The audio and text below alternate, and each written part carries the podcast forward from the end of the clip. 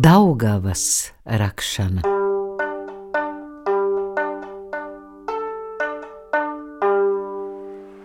Kad dievs jau bija radījis kokus, mežus, krūmus, zvērus, putnus un zivis jūrā, tad Daugavas vēl nebijis. Visi zvēri un putni, bez darba būdami un savā vaļā dzīvodami, sākuši toreiz savā starpā ķildoties un nīdēties.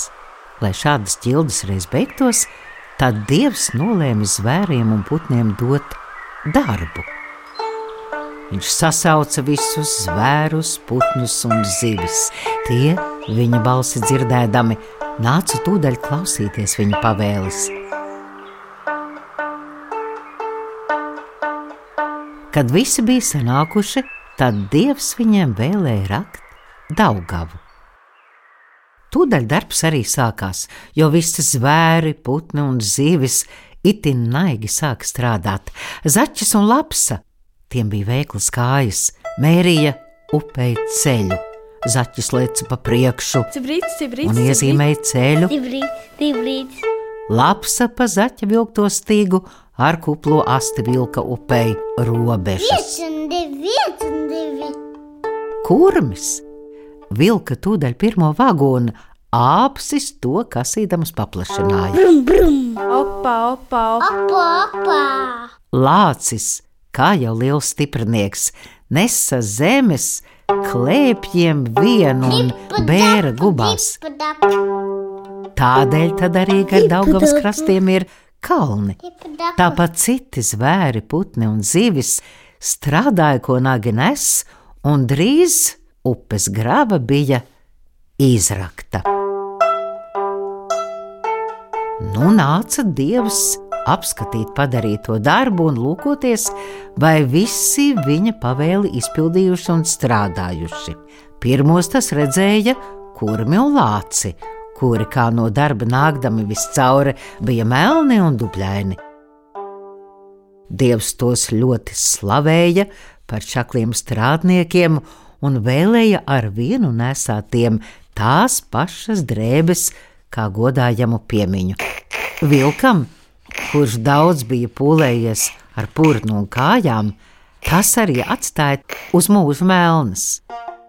No putniem visčaklāk esot strādājušas zos Ga, ga, ga, ga, ga. un pīle. Pak, pak, pak, pak, pak. Tām dievs atvēlēja upē mazgāties un peldēt, bet citiem putniem, kas drusku mazāk pūlējušies, atvēlējis tikai dzert upes ūdeni. Un kamēr tur ar citiem putniņiem runājis, dievs pacēlis acis uz augšu un ieraudzījis vēl vienu, pa koka zariem lēkājam un svilpojam. Tas bija lietus putniņš, jeb vālodze. Dievs vaicājis. Nu, ko tu te lēkā? Vai tu nemaz nestrādāji kā citi putni? Kur tad nu es tik rupju darbu strādāšu? Man jau smalki svārki mugurā. Iekāpu gan upē, gribēju sākt, bet apskatījos, kur tad manas dzeltenās bikses. Tās samaitājušās, un tā apdomājos, labāk nekā nedarīt. Tā, tā, tā tev dzeltenie svārki vairāk par ļaunumu nekā par labumu. Nu, labi, paturi tad arī savus svārkus un ar dubļiem notaisītās bikses, bet mūžam tev nebūs dzert skaidras zemes ūdens, ne no upes, ne avotiņa, ne arī dīķa. Tikai ar rasu, kas ir uz koku lapām, un ar to ūdeni, kas ir uz akmeņiem, tu varēsi dzisināt slāpes. Tādēļ vēl šo baltu dienu vālodzē šis sots jānes. Kad negaisam tuvojoties, citi putni apklusuši, tad lietus putniņš žēli, jo žēli raud par savu toreizējo lepnumu.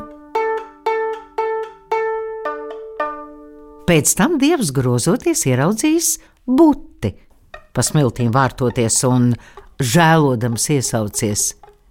Ak, tu butīte, nabadzīte, ko tad tu pa smiltīm vārties? Bet bute savā pārgalvībā mēdījusies. Ak, tu nabaga butīte, nabadīte, ko taņu pasmiltīm vācies. Ak, tu tā!